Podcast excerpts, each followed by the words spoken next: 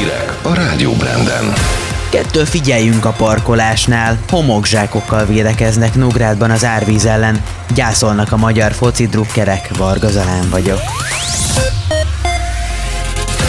Üdvözlöm Önöket, magyarországi híreinket hallják. Jövő kettől megszűnik az ingyenes parkolás, a hitelmoratóriumot pedig augusztus végéig meghosszabbítják, jelentette be a miniszterelnökséget vezető miniszter.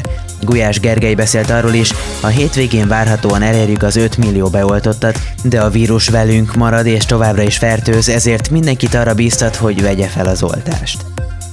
Közben hétfőtől megszűnik a látogatási tilalom a kórházakban, jelentette be az országos főorvos.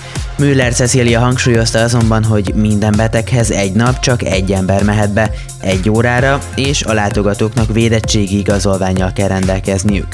A koronavírusos betegeket továbbra sem lehet látogatni.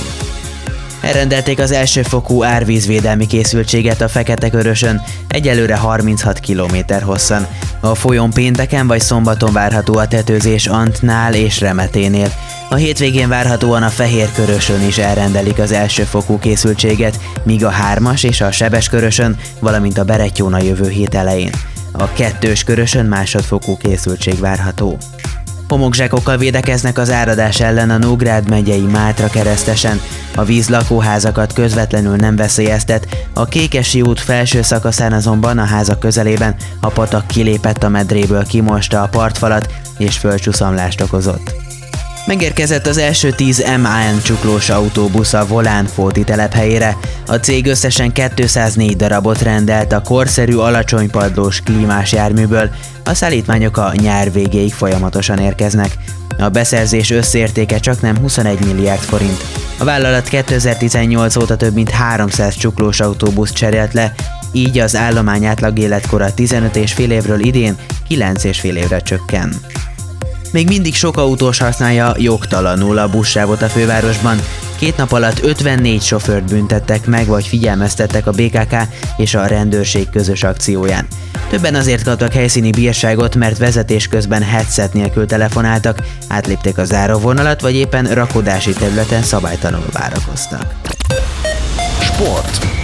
Gyászol a magyar sport 65 éves korában elhonyt Pul Sándor világhírű labdarúgó játékvezető, minden idők egyik legjobb futballbírója, aki 1994-ben világbajnoki döntőt, 97-ben bajnokok ligája döntőt vezetett. Pul Sándort négyszer választották a világ legjobb játékvezetőjének. A sport egy szakkommentátora 2010 óta az MLS játékvezető bizottságának alelnöke, Eger és Emőd város díszpolgára volt. Legszűkebb körű temetéséről családja később intézkedik, Sándort az MLS saját halottjának tekinti. Minden idők második legjobb eredményével nyert Milák Kristóf 200 méter pillangón a budapesti vízes Európa bajnokságon. Maga biztosan jelentős fölénnyel nyerte a mezőnyt. Milák 1 perc 51,1 másodperces eredménnyel csapott célba, ennél a sporták történetében csak ő maga úszott gyorsabban a 2019-es Guangzhou világbajnokságon. Ezzel megszerezte az EB viadal második magyar aranyérmét hosszú Katinka után. A döntő második magyarja Kenderesi Tamás nagy hajrával bronzérmes lett. Időjárás.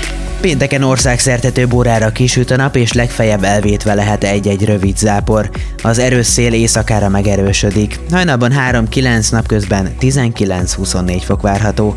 Változékony időre számíthatunk pünköstkor is. A legfrissebb híreket és Varga hallották.